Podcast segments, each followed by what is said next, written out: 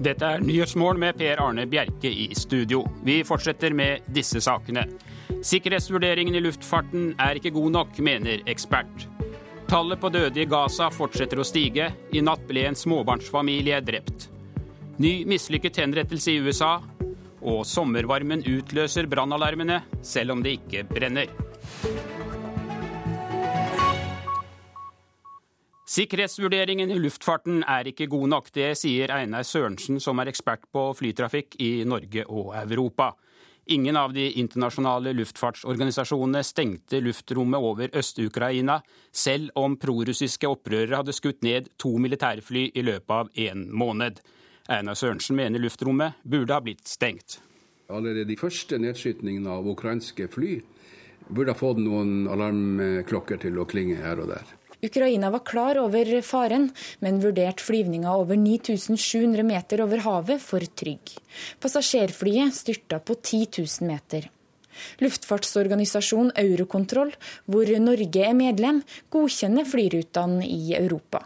Sørensen, som nettopp har gått av som leder i luftfartsorganisasjonen ATM Norway, mener Eurocontrol kunne ha stoppa passasjerflyet. En melding fra Eurocontrol om at uh, ukrainsk luftrom er usikkert, vil jo ha store konsekvenser. Eurocontrols oppgave, sentrale oppgave, er å legge til rette for sikker, luftfart eh, i, på vårt kontinent.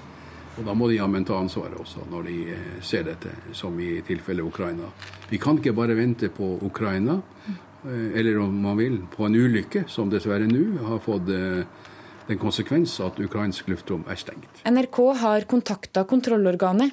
I en e-post skriver de. Det er hver enkelt stat sitt ansvar å vurdere hvor trygt luftrommet er. Vi godkjenner flyrutene ut fra det vi får rapportert.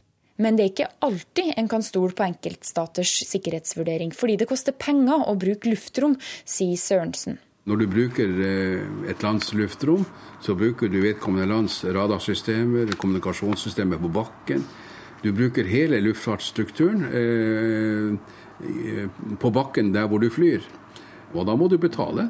Så det er millioninntekter i hard valuta, som i et eh, lutfattig land, som nå dessverre Ukraina er blitt, eh, har en stor, stor betydning for, eh, for staten. Han sier Norge har muligheten til å endre sikkerhetskulturen i luftfarten. Vi kan puffe på for å få sikkerhet for at eh, sivil luftfart er sikret korridorer mellom Asia og Europa for å unngå slike tilfeller som det vi nå har sett i eh, Øst-Ukraina. Reporter Marit Gjelland.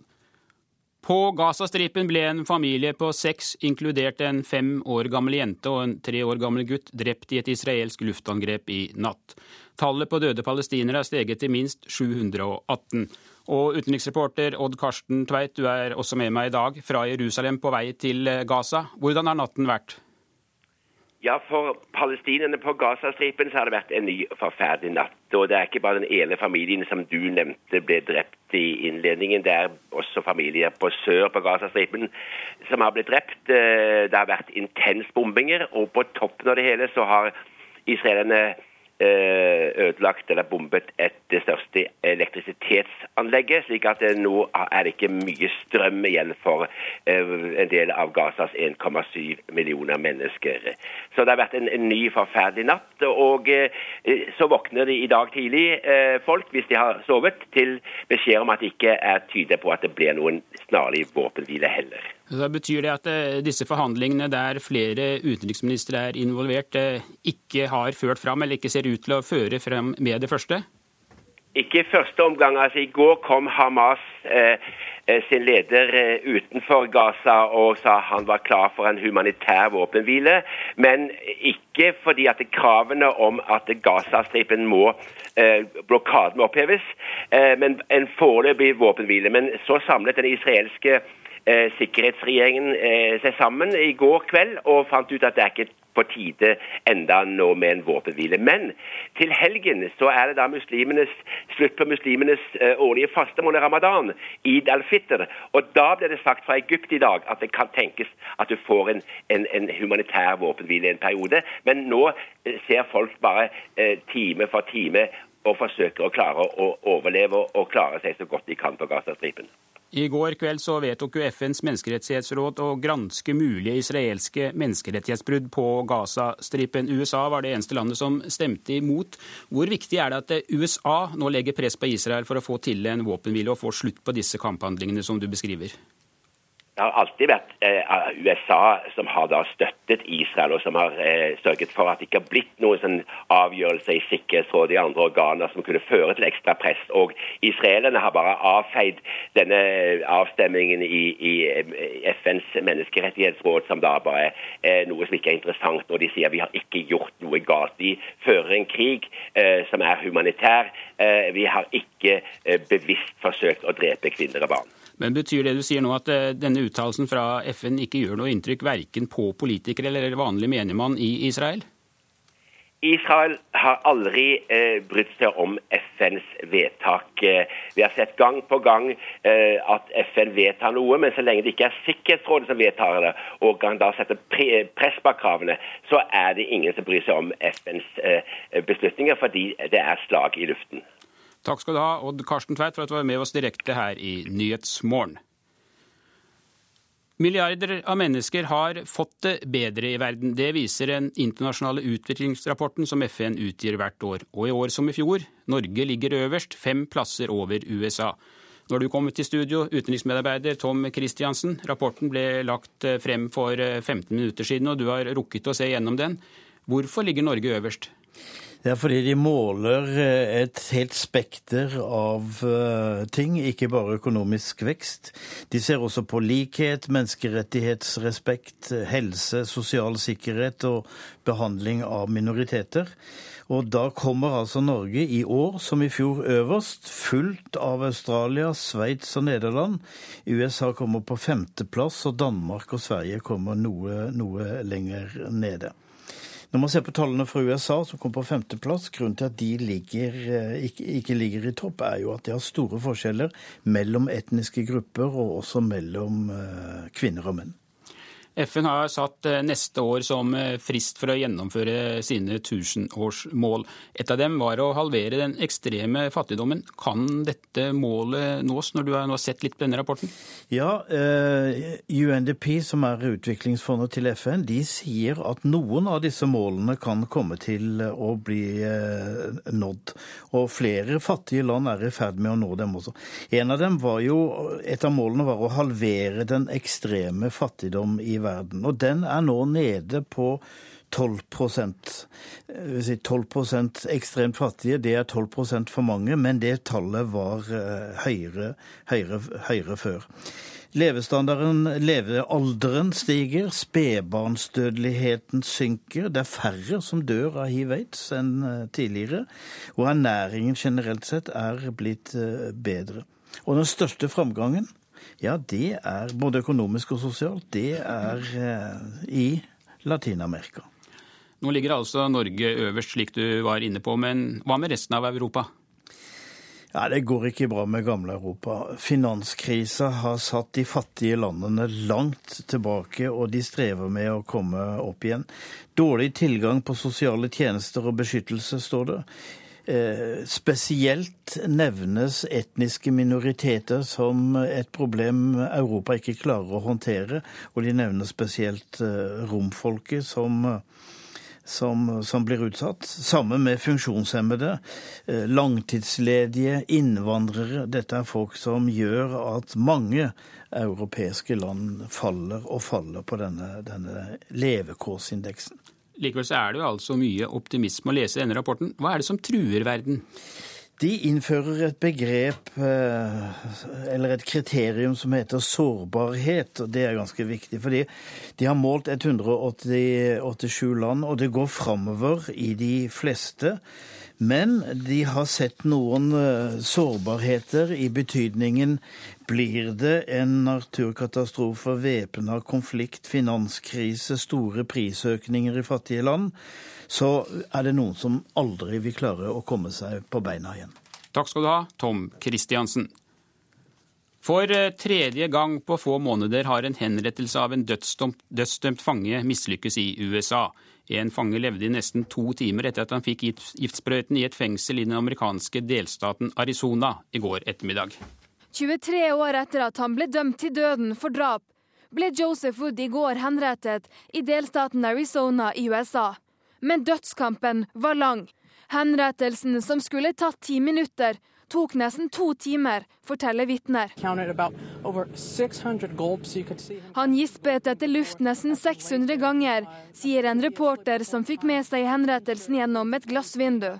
Flere tidligere leverandører nekter nå å levere gift til bruk i henrettelser, og flere delstater i USA har derfor blitt nødt til å eksperimentere med ulike giftblandinger.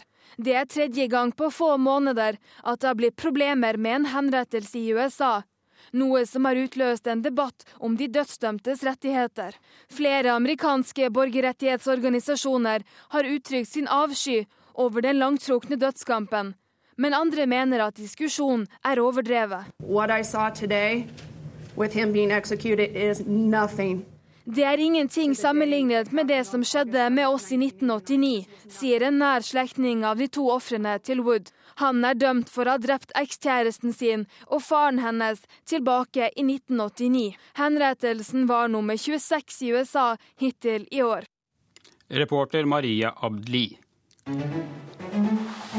Du hører på Nyhetsmorgen. Klokka er straks 7.15, og dette er hovedsaker i nyhetene. Sikkerhetsvurderingen i luftfarten er ikke god nok, mener ekspert. Tallet på døde i Gaza fortsetter å stige. I natt ble en småbarnsfamilie drept. Og som vi hørte, milliarder av mennesker har fått det bedre i verden, viser FN-rapport. Bli med videre, og du skal få høre at stadig flere nordmenn tatoverer seg.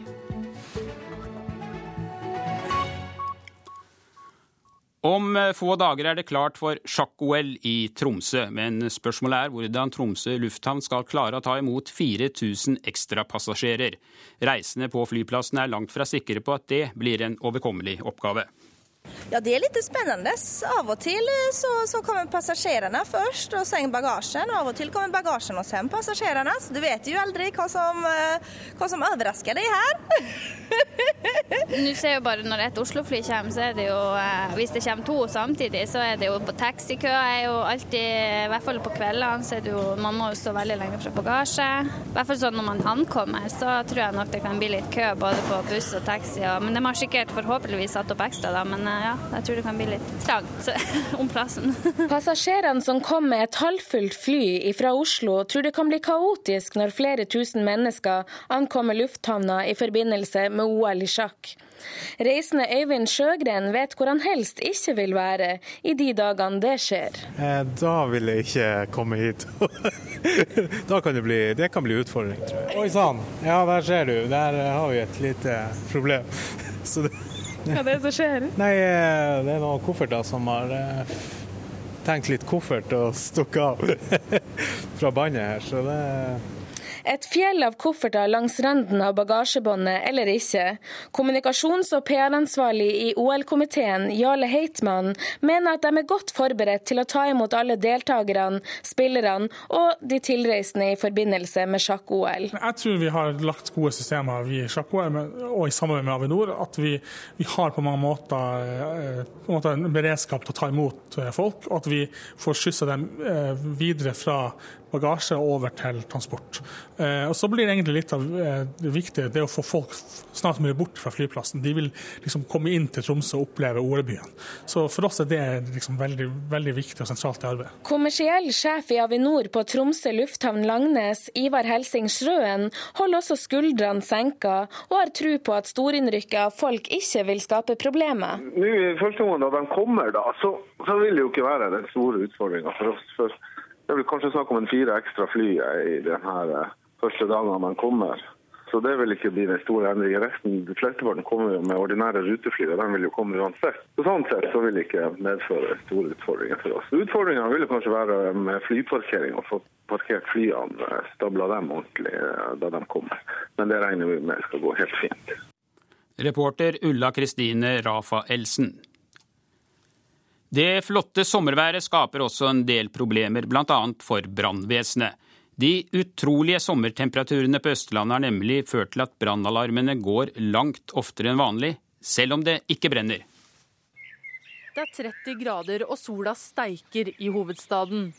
Og selv om varmen er kos for noen, betyr den merarbeid for andre. Vi er med brannvesenet til en brannalarm som uler i en tom leilighet i en blokk på Hovseter i Oslo. Nei, Her har røykvarsleren begynt å ule, så naboene har eh, blitt bekymra og ringt brannvesenet. Nå har vi fått titta gjennom hele leiligheten med via stige, så det er ikke antydning til noe brann i den leiligheten her. da. Hva tror du er grunnen til at eh, den er utløst? Ja, Det er vanskelig å si, men eh, det kan jo ha noe med varmen å gjøre. At batteriene konker litt i varmen. Jan Erik Hansen er underbrannmester på Briskeby brannstasjon, og han er ikke stressa. For det er ikke første gangen de siste ukene at de har rykket ut en brannalarm som mest sannsynlig er satt i gang av den utrolige sommervarmen vi har hatt de siste ukene. Med bare ti minutters mellomrom må også Smestad brannstasjon rykke ut til en bolig på Røa. Det virker som om uh, alarmen er gått inn igjen på Røa-knekk nummer fem. Jeg har ikke hørt noe. De skulle være på vei med en vekter. Uh... Ja, vi har rykka ut på en vekteralarm. Altså Dvs. Si at det er en røykvarsler som har som er kobla direkte til eh, et vekterselskap som er utløst. Så, så rykker vi ut for å sjekke forholdet her på stedet. Dette er eh, det vi kaller en utenpåviselig uten påviselig grunn. Altså ikke, vi har ikke noe årsak til hvorfor det har gått inn. Hva er det som har skjedd der, da? Nei, det er, det er vi ikke sikre på, men mest sannsynlig så er det varmen da, som har utløst alarmen. Lars Fossum er underbrannmester på Smestad brannstasjon og hittil i juli har han og kollegaene hans i Oslo brann- og redningsetat rykket ut til 81 alarmer med såkalt utenpåviselig grunn. På en normal måned får man kanskje halvparten så mange utrykninger av denne typen. Så Temperaturen har helt klart en medvirkende årsak. Kanskje denne fuktighet og varme som eh, de da slår ut på. Men eh, det hadde vært ønskelig at det ikke hadde skjedd. At den hadde vært mer riktig til å fange opp når det egentlig var brann. For da hadde vi fått mindre unødige alarmer, så hadde det vært mindre kjøring, mindre belastning på, i bybildet. Og selvfølgelig, man vil også ta mer seriøst en røykvarsler som går når det er en reell tilfelle. Reportere Daria Sorsic og Andreas Sundby. Så skal vi se litt i dagens aviser, som også er opptatt av det helt uvanlige sommerværet. Hele Norge svetter, kan VG fortelle på sin eh, førsteside. Og aller varmest er det i Gulsvik i Buskerud. Der ble det målt 34,5 grad i går. Dagsavisen spår ny varmerekord i dag, og skriver at Norge ikke takler varmen. Ifølge avisen lager ekstremvarmen en lang rekke problemer. Togene kjører sakte, dataserverne bryter sammen, og eldre sliter. Og Nasjonen forteller at det er slutt på jordbærene. Det er hetebølgen som har ført til at sesongen er over langt tidligere enn vanlig. Vi måtte slutte å plukke bær for en uke siden, forteller jordbærbonde Kjetil Sola. Og så tidlig på sommeren har det aldri vært slutt på bærene der på gården. Men eh, de som mener det nå er varmt nok, kan muligens finne en viss trøst i Dagbladet, som mellom alle varmerekordene også forteller at lavtrykkene er på vei. Bergens Tidende forteller om gode tider for dem som skal selge boliger i Bergen. Leiligheter går betydelig over takst, selv om det er snakk om oppussingsobjekter. En megler avisen har snakket med, sier at interessen for å kjøpe leiligheter som må utbedres er stor, fordi folk ønsker å pusse opp selv og sette sitt eget preg på leilighetene de kjøper. Advokat Geir Lippestad sier til Klassekampen at Norge svikter syrerne. Jeg kjenner ikke igjen den norske folkesjelen. Vi er i ferd med å bli et mindre raust samfunn, sier advokaten, som også er styreleder i den sosialdemokratiske tenketanken Agenda. Dagens Næringsliv forteller at Statoil igjen er på plass i In Armenas i Algerie for første gang siden terrorangrepet i fjor. I underkant av ti ansatte, blant dem nordmenn, jobber nå ved anlegget. Det jobbes med å forbedre sikkerhetstiltakene før Statoil bestemmer seg for når det skal settes i gang ordinær virksomhet igjen. Tusenvis flykter fra krigen i Øst-Ukraina, skriver Aftenposten. Mange er drept, lovløsheten herjer, og nå rømmer mange byene øst i landet, forteller avisens reporter i området. Og til slutt Stavanger Aftenblad, som forteller hvor du får mest gladmat, best gladmat i byen. Avisens medarbeidere har tygget seg gjennom 36 spisesteder og guider deg til Stavangers beste matopplevelse.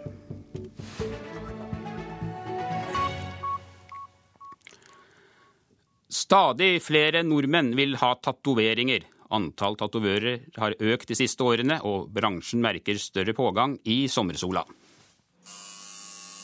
Den tynne huden på en finger fylles med blekk hos Memento Tattoo i Oslo. Linni får sin andre tatovering. Er det ikke vondt? Nei. Litt, men uh, ikke sånn, sånn, veldig, veldig. Det er navnet til uh, kjæresten min.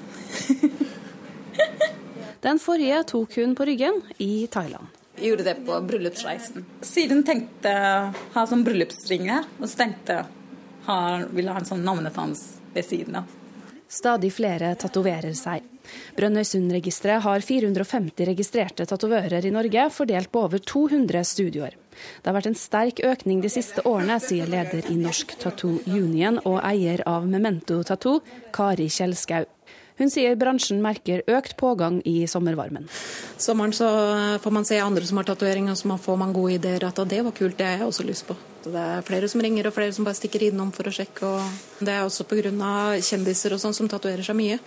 Eh, sånn som under fotball-VM så så du jo alle fotballspillerne hadde jo en tatovering hver omtrent. Eh, musikkkjendiser har mye tatoveringer, og alt blir jo spredd på sosiale medier, så man blir veldig påvirka. Alle tatoverer seg nå, sier hun. Det kan være alt fra prester og politi til jenter med hijab og alt mulig. Vi hadde en prest her i går som tok en jomfru Maria. Personlige tatoveringer, tekster og bilder av feer og ugler er populært, forteller hun, som selv følger med på trendene. Så er det en mandala som jeg har på hånden. Det er, eh, si, det er noe magisk eh, sirkel med masse mønstre som er veldig populært for tida, det også. Blir mer og mer. De senere åra har det jo blitt sånn at man kan personalisere eh, tatoveringene. I stedet for at man bare velger rett fra en plansje og sier at jeg skal ha den, så får man en som er personlig for en selv. Og da betyr det mye mer òg. Hvorfor akkurat ugler? Hva er det som er Ingen aning. Men ugler er kule, de. altså. Ekstra mye latinske ord. Det kan være arabisk tekst, dikt, eh, sanger, musikk, eh, refreng. Ja, det er mye livsmotto eh, som er veldig viktig for en sjøl. At uh, be strong og litt sånne ting. Linni har fått navnet til kjæresten sin skrevet inn i fingeren, og hun tror hun kommer til å ta flere tatoveringer. Du tror ikke du kommer til å angre? Nei. det blir mer, tror jeg, med tatovering. Ja. Ja, det var reporterne Eirin Venås Sivertsen og Christian Ingebretsen som hadde besøkt tatovørene. Nå skal det bygges flere studentboliger, det lover regjeringen og kunnskapsminister Torbjørn Røe Isaksen, skriver Klassekampen. De siste 20 årene har andelen studenter som bor i studentboliger stått bom stille, mens antallet studenter har økt fra 62 000 til 240 000. Nå krever Norsk studentorganisasjon 3000 nye studentboliger i regjeringens neste budsjett. Og så bruker vi stadig mer penger på kjæledyrene våre. Ifølge en rapport fra 2013 brukte vi 3,2 milliarder på mat og enkelt utstyr til dyra. Veterinær Kaja Stokstad sier at det har vært en holdningsendring til kjæledyr de siste årene. Det var jo, eh, Vi begynte jo, så var det jo nesten ingenting som folk ville gjøre med, med kjæledyrene sine, men det har jo blitt, vært en enorm utvikling. Hundeeier Olaug Plogmann kjenner seg igjen. Eieren har brukt store summer på puddelen sin, som har vært gjennom tre operasjoner. Ja, Hun ligger på 50 000 med operasjonene og innkjøpspris og flybillett. Ifølge en bransjerapport brukte vi 3,2 milliarder på kjæledyret våre i 2013. Det er en økning på over en halv milliard de siste fem åra. Tannstell, kiropraktor og frisørbesøk er ikke inkludert i regnestykket. Hestekiropraktor Tina Ekholt mener utviklinga i Norge henger i hop med at vi har sett holdningsforandringer i forhold til dyrehold. Altså, det har gått bort fra det her med bondelivet, at dyr er ikke lenger bare bruksdyr, det er kjæledyr og man vil at kjæledyrene skal ha det bra. Det er mer og mer en del av familien enn et nyttedyr. Det Fokuset der begynner å endres. Folk bryr seg litt mer om dyrene nå enn det de gjorde før. Videre mener kiropraktoren at vi som dyreeiere har et ansvar i forhold til å sørge for at dyret vårt har det så godt som mulig. Kun prioriteringer det handler om. Har man, jeg er veldig for det at har man skaffet seg et dyr, så må man også sørge for at man kan ta de økonomiske konsekvensene. Eller så må man kvitte seg med det dyret. Ifølge markedsrapporten henger den økende betalingsviljen vår i hop med økende humanisering av kjæledyr. Vi ser på dyra våre som familie, noe veterinær Kaja Stokstad kan bekrefte. Det er jo det, for det er viktige familiemedlemmer betyr utrolig mye for folk. Kjæledyr betyr veldig mye for folk. For meg òg. mine kjæledyr betyr veldig mye for meg. Så det er klart det at vi ønsker at de skal ha det best mulig, at vi kan gjøre det som vi kan. Men selvfølgelig innenfor eh, dyrevernsmessige hensyn. Vi skal ikke påføre dyr smertefulle behandlinger og ting som ikke har noe hensikt. Men det er jo ikke der veterinærene er interessert i å gå. Vi er jo interessert i å, å drive med god medisin og, og, og få dyrene friske. Fantomet er tilbake i pangform. Hundene til Olaug dabber sunne og fornøyde rundt i sola. Og den fjåga matmora kan ikke tenke seg en bedre investering. Se på henne, hun er så skjønn. Hun smelter hvert eneste hjerte. Jeg ville gjort alt for hun der. Så det er verdt det? Det er veldig verdt det. Ja, Det var reporter Ine Eftestøl som fortalte hvordan vi behandler kjæledyrene våre. Du lytter på Nyhetsmorgen. I reportasjen etter Dagsnytt skal vi høre om verdens dårligste fotballag. Hvem det er, får du vite ti over halv åtte. Og mange med ulovlig opphold i Norge får ikke ID-kort av myndighetene. Statssekretær Himanshu Gulati kommer til Nyhetsmorgen og forklarer hvorfor. Produsent for Nyhetsmorgen i dag er Vidar Eidhammer, og jeg heter Per Arne Bjerke.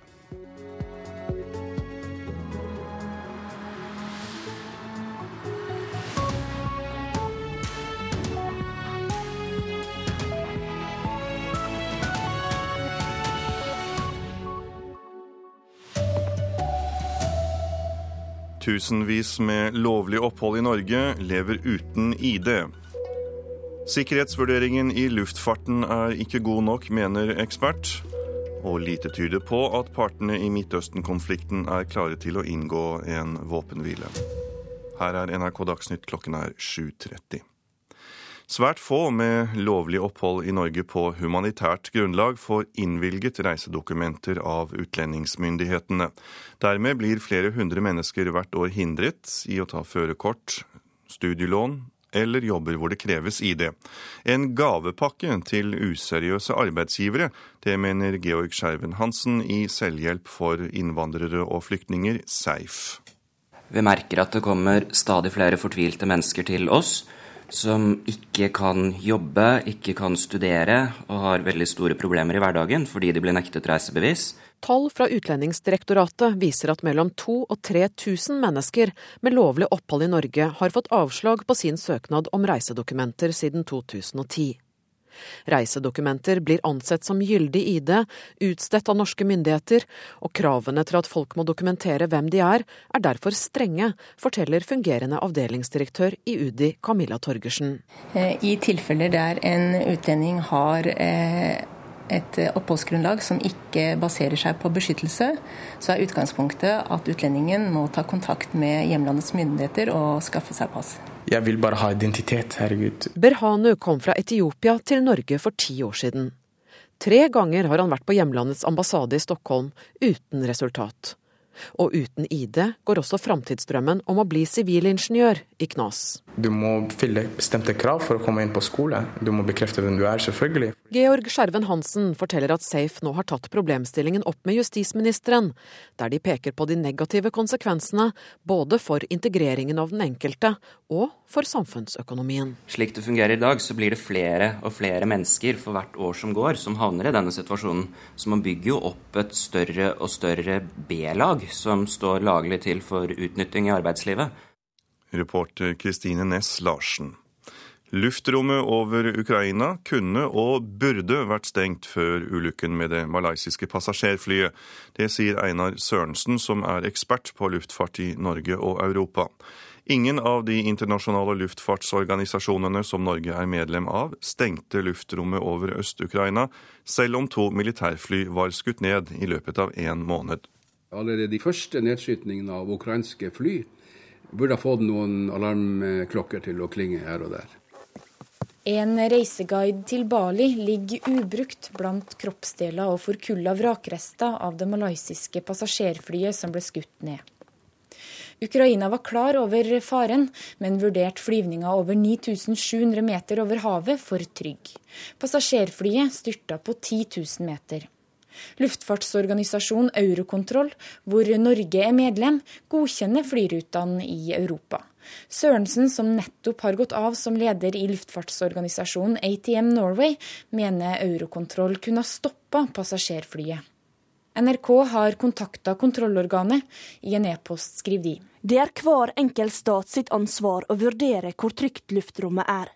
Vi godkjenner flyrutene ut fra det vi får rapportert. Men det er ikke alltid en kan stole på enkeltstaters sikkerhetsvurdering, fordi det koster penger å bruke luftrom, sier Sørensen. Det er millioninntekter i hard valuta, som i et luttfattig land, som nå dessverre Ukraina er blitt, eh, har en stor, stor betydning for, eh, for staten. Han sier Norge har muligheten til å endre sikkerhetskulturen i luftfarten. Vi kan puffe på for å få sikkerhet for at eh, sivil luftfart er sikret korridorer mellom Asia og Europa for å unngå slike tilfeller som det vi nå har sett i eh, Øst-Ukraina.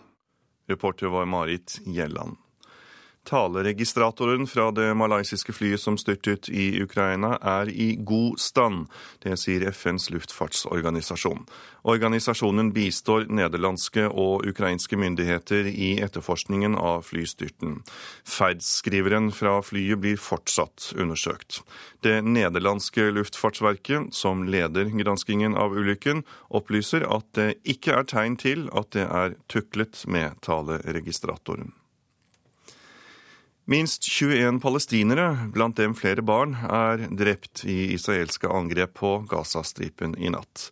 Nå har over 700 palestinere mistet livet i den 17 dager lange israelske militæroffensiven. Lite tyder på at partene er klare til å inngå en våpenhvile. Det sier reporter Odd Karsten Tveit fra Jerusalem. Ikke i første omgang. altså I går kom Hamas eh, Eh, sin leder eh, utenfor Gaza og sa han var klar for en humanitær våpenhvile. Men ikke fordi at kravene om at Gazastripen må eh, blokaden oppheves, eh, men en foreløpig våpenhvile. Men så samlet den israelske eh, sikkerhetsregjeringen seg sammen i går kveld og fant ut at det er ikke på tide enda nå med en våpenhvile. Men til helgen så er det da muslimenes, slutt på muslimenes uh, årlige fastemåned ramadan, id al-Fitr. Og da ble det sagt fra Egypt i dag at det kan tenkes at du får en, en, en humanitær våpenhvile en periode. Det amerikanske luftfartsverket FAA opphever flyforbudet til og fra Tel Aviv i Israel. De to siste døgnene har ingen amerikanske flyselskaper fått lov til å trafikkere Ben Gurion-flyplassen i Tel Aviv. Også europeisk luftfartsmyndighet har innført flyforbud til Israel, og både Norwegian og SAS har innstilt alle sine flyvninger til landet. For tredje gang på få måneder i USA har en henrettelse av en dødsdømt fange mislyktes. Den dødsdømte levde i nesten to timer etter at han fikk giftsprøyten i et fengsel i den amerikanske delstaten Arizona i går ettermiddag. 23 år etter at han ble dømt til døden for drap, ble Joseph Wood i går henrettet til delstaten Arizona i USA. Men dødskampen var lang. Henrettelsen, som skulle tatt ti minutter, tok nesten to timer, forteller vitner.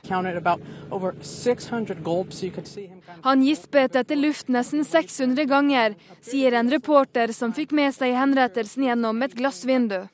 Flere tidligere leverandører nekter nå å levere gift til bruk i henrettelser, og flere delstater i USA har derfor blitt nødt til å eksperimentere med ulike giftblandinger. Det er tredje gang på få måneder at det har blitt problemer med en henrettelse i USA, noe som har utløst en debatt om de dødsdømtes rettigheter. Flere amerikanske borgerrettighetsorganisasjoner har uttrykt sin avsky over den langtrukne dødskampen, men andre mener at diskusjonen er overdrevet.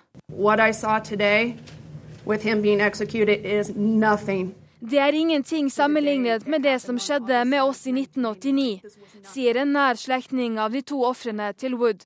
Han er dømt for å ha drept ekskjæresten sin og faren hennes tilbake i 1989.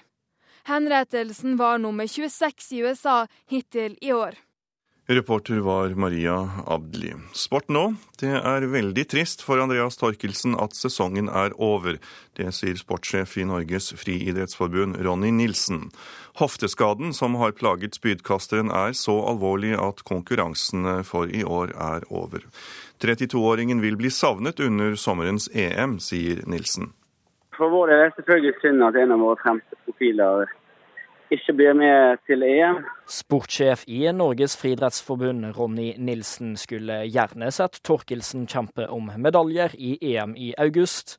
Men siden en hofteskade gjør det umulig, så er han klar på hva som nå må gjøres. Det viktigste nå er at man får uh, gjort de undersøkelsene som trengs for å finne ut hvor eh, problemet ligger. Andreas har eh, fortsatt mange lange kast i seg, og dette her er ikke noe skade som i utgangspunktet burde begrense den i forhold til det. Torkelsens lege Ove Talsnes er optimistisk, skaden til tross.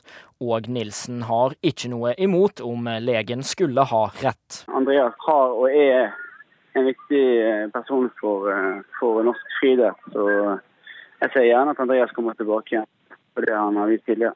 Reporter Henrik Agledal. Så er det nok en gang slått fast vi nordmenn har det fortsatt best i verden. Det viser FNs utviklingsrapport som rangerer levekårene. Australia og Sveits følger etter, mens Niger, Kongo og Den sentralafrikanske republikk ligger på bunnen. Men fortsatt må 1,2 milliarder mennesker klare seg med rundt seks kroner eller mindre om dagen, viser oversikten. Ansvarlig for eh, Dagsnytt-sendingen Sven Gullvåg, teknisk ansvarlig Marianne Myrhol og i studio Tor Albert Frøsland.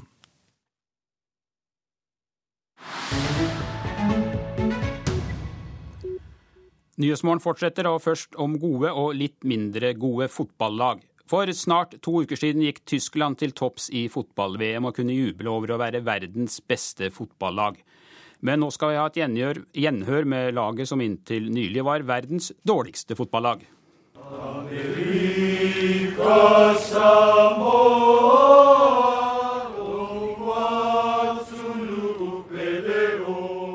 Om du ikke kjenner igjen denne sangen, er du tilgitt. Det er nasjonalsangen til amerikansk Samoa. Og om du ikke har hørt om amerikansk Samoa heller, så er det noen ganske få, ganske sjølstyrte øyer langt sør i Stillehavet et sted.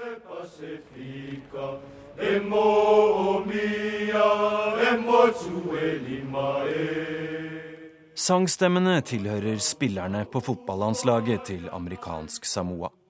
De har i mange år vært kjent som verdens dårligste herrelandslag i fotball. All right, Arthur, knees up, knees up. Come on, 50, come on, 50, baby, come on. Woo, I like it.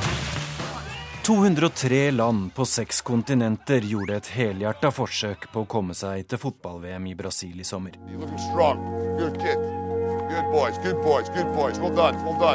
Laget til amerikansk Samoa ble fulgt av et britisk dokumentarteam gjennom sin VM-kvalifisering. Hvorfor det? Jo, fordi stakkarene har den bortimot uslåelige rekorden for det største nederlaget i internasjonal fotball noensinne. 31-0 tapte de i en kamp mot Australia i 2001. Nikki Salapo sto i mål da, og han står i mål fortsatt.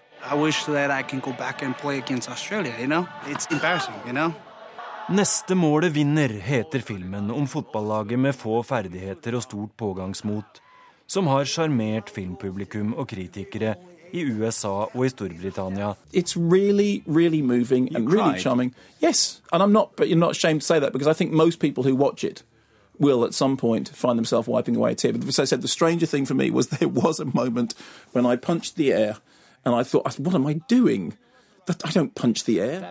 Jeg gråt underveis. På et tidspunkt tok jeg meg i å slå neven i lufta i triumf. Og jeg er ikke engang interessert i fotball, sier Observer-kritiker Mark Kermode forundra. I played with George Best, Johan Cruyff, but coached several MLS teams. Thomas is a real professional high-level coach. Go, pressure, Fantana! Go, buddy! For å få skikk på verdens dårligste landslag ble Thomas Rongen hentet inn som trener. Den knallharde nederlenderen har en fortid i Ajax på 70-tallet, og han har vært trener i amerikansk Major League Soccer. Red card! Soccer has become cynical in big business. And, and I don't want this to happen here. These guys play because they love the game. They get zero. You know. Fotball er blitt kynisk business, men disse gutta får ingenting ut av det. Og de spiller bare fordi de elsker sporten, sier Thomas Rongen. We are going to war for 90 minutes against Tonga. Hollywood kunne ikke skrevet manus bedre da trener Thomas Rongen holdt sin peptalk før kvalifiseringskampen mot Tonga. Og Hollywood kunne ikke ha regissert det bedre da amerikansk Samoa gikk i angrep etter å ha tapt 30 kamper på rad og sluppet inn 229 mål.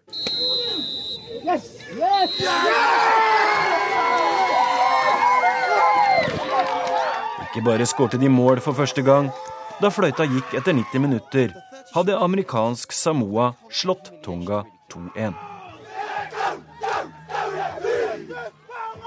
Reporter Tore Moland, og vi kan trøste Samoa med at de ikke lenger ligger sist på Fifa-rankingen. Den plassen er delt mellom Bhutan og San Marino. Dette er Nyhetsmorgen i dag med disse hovedsakene. Tusenvis med lovlig opphold i Norge lever uten ID. Sikkerhetsvurderingen i luftfarten er ikke god nok, mener ekspert. Lite tyder på at partene i Midtøsten-konflikten er klare til å inngå en våpenhvile. Og ny mislykket henrettelse i USA. Svært få med lovlig opphold i Norge på humanitært grunnlag får innvilget reisedokumenter av utlendingsmyndighetene. Dermed blir flere hundre mennesker hvert år hindret i å ta et sertifikat, studielån eller jobbe hvor det kreves ID. En av dem er 19 år gamle Beranu fra Etiopia, som har levd ti år i Norge uten ID.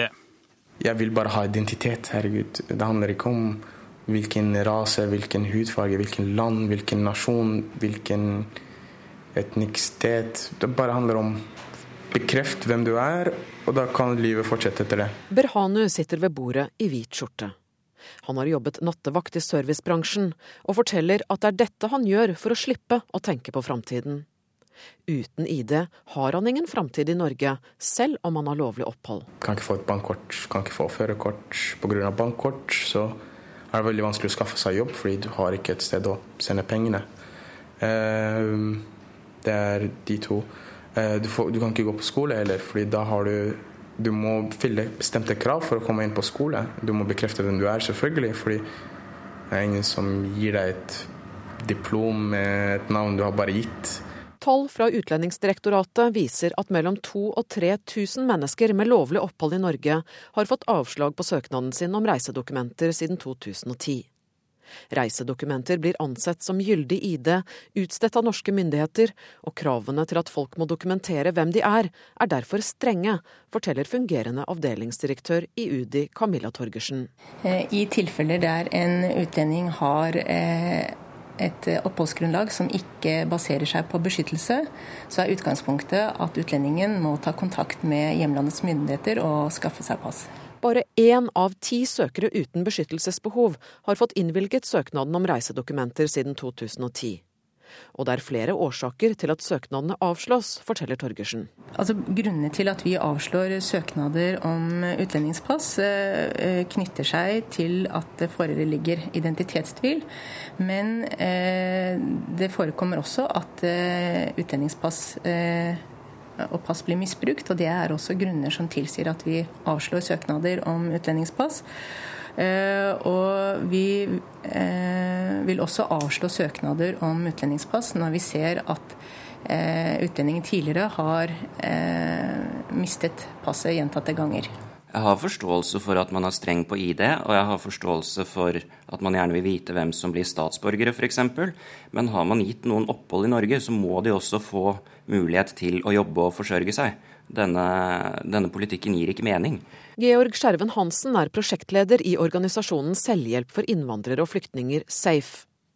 Safe har nå sendt brev til justisminister Anders Anundsen, der de peker på de negative konsekvensene, både for integreringen av den enkelte og for samfunnsøkonomien. Nå er det allerede mellom 2000 og 3000 mennesker som går uten mulighet for studier, uten mulighet for jobb. Eh, alle politiske partier er enige om at det er viktig å bedrive integrering. Dette må være noe av det mest integreringshemmende man kan gjøre. Hvilke muligheter har de det gjelder til å fungere i Norge, når de verken kan ta utdanning eller jobbe? For Berhanu er drømmen om å bli sivilingeniør lagt på is.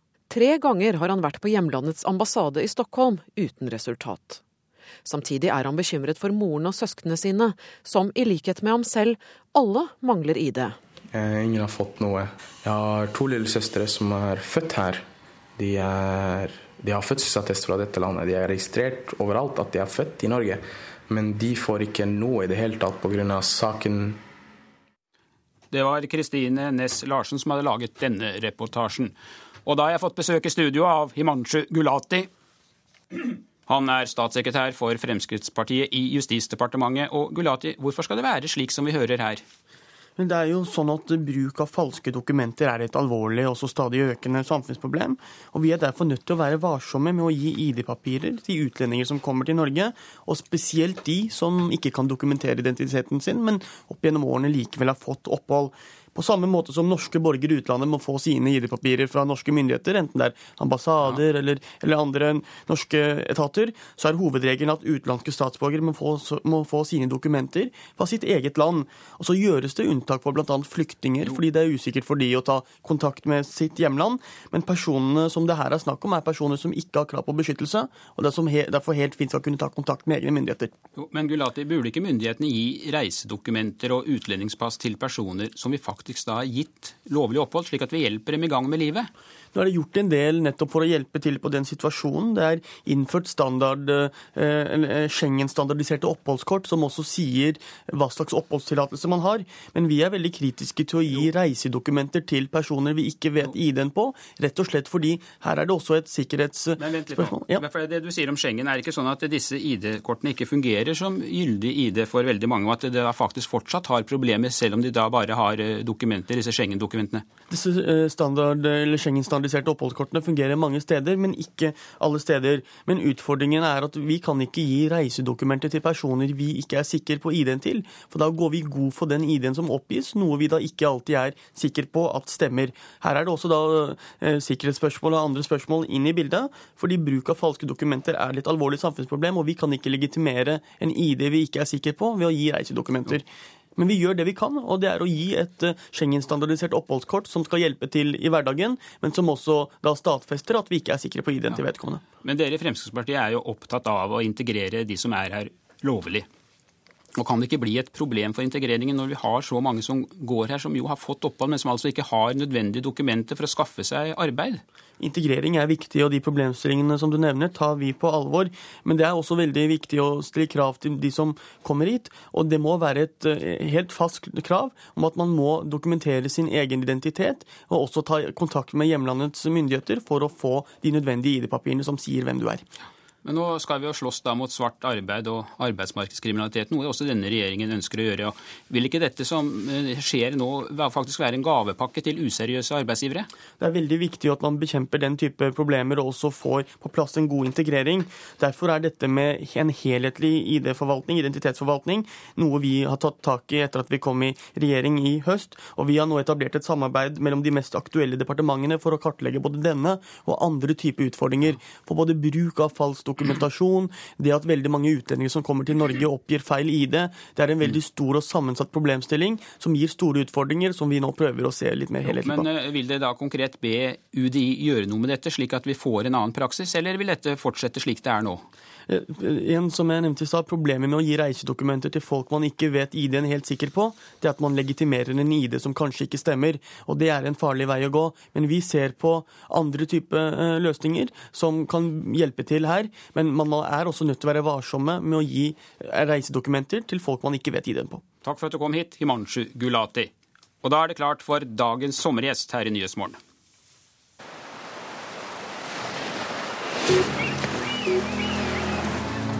Sommerserien i Nyhetsmorgen.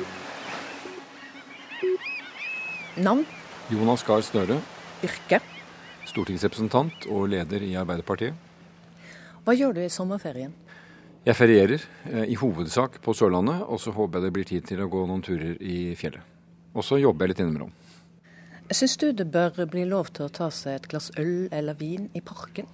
Ja, jeg syns ikke det er grunn til å være knøren på det. Det gjør vel mange allerede. Men jeg syns også det at dette samfunnet vårt har ikke akkurat mangel på steder hvor det eh, forbrukes alkohol, og at vi har en alkoholkultur som ofte fortrenger det at det også skaper veldig store problemer for mange mennesker, og ikke minst for barn. Det gjorde inntrykk på meg som helseminister å se hvor mange pårørende av mennesker med alkoholproblemer som sliter med det.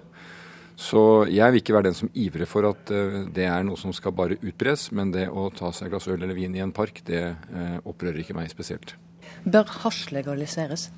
Nei, Det er jeg ikke for, men jeg er for en debatt om uh, narkotikapolitikken vår for å sørge for at den lærer av det som ikke virker, og forsterker det som virker. For det er fortsatt veldig mange uløste oppgaver som vi rett og slett ikke mestrer, og det må vi tenke nytt rundt. Men legalisering er jeg ikke for.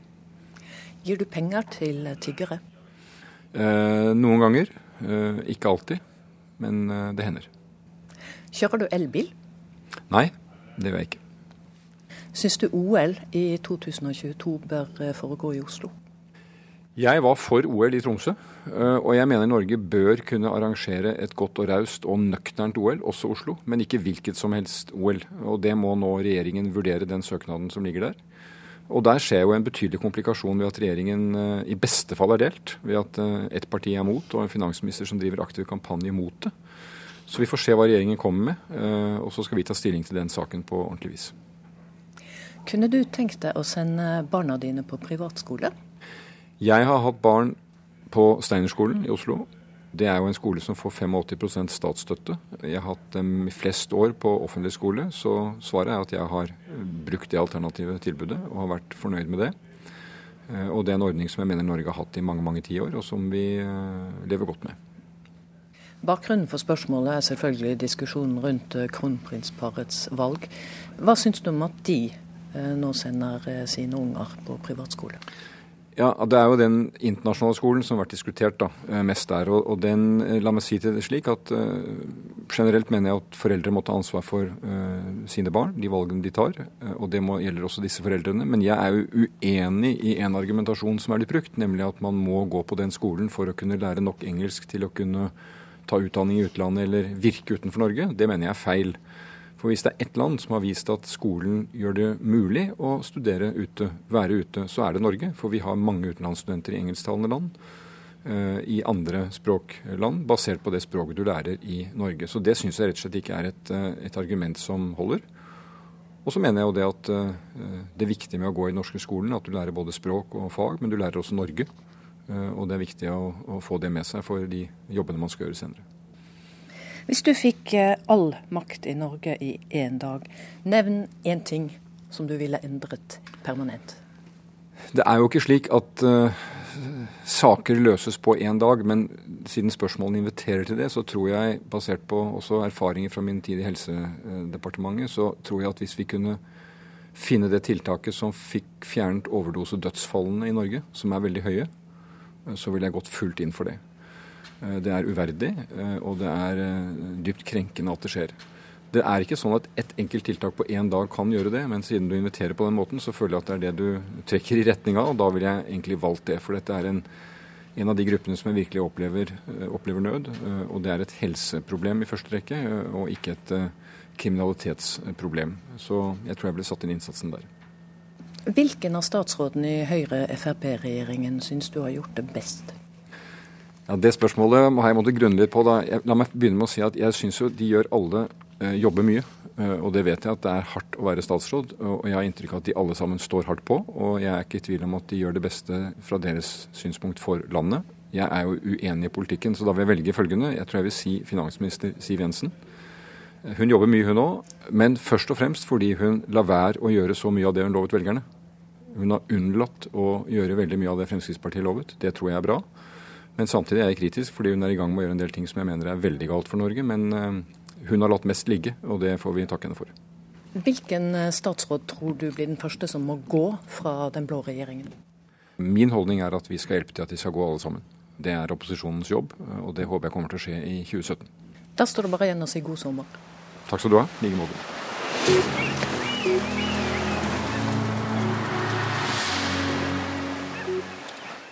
Og det var Katrin Hellesnes som hadde møtt Arbeiderpartiets leder. Og Så skal vi se på været for kommende døgn.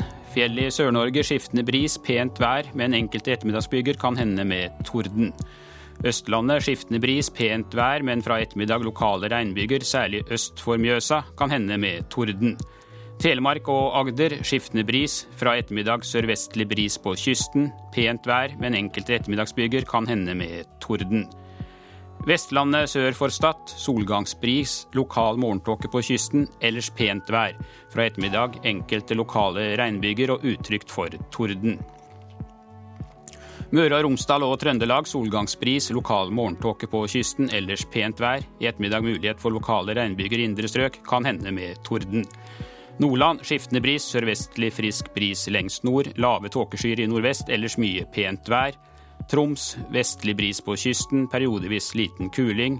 På kysten spredt regn og lave tåkeskyer, ellers oppholdsvær. Finnmark i kyst- og fjordstrøkene liten kuling. Fra i formiddag periodevis stiv kuling. Spredt regn i ytre strøk, ellers oppholdsvær. Utrygt for tåke på kysten. Og Nordenskjøland på Spitsbergen sørvestlig, senere vestlig bris. Litt regn først på dagen, eller stort sett oppholdsvær. Og så var det temperaturene målt klokka sju. Det er fortsatt varmt i Sør-Norge. Eh, Svalbard lufthavn hadde 8 grader, Kirkenes 16, Vardø 14, Alta 15, Tromsø 16, Bodø 16, Brønnøysund 16, Trondheim 16, Molde 18, Bergen 18, Stavanger 19, Kristiansand hadde også 19, Gardermoen 18, Lillehammer 20. Røros 14, og på, i Oslo var det 21 grader klokka sju i morges. Hør flere podkaster på nrk.no podkast.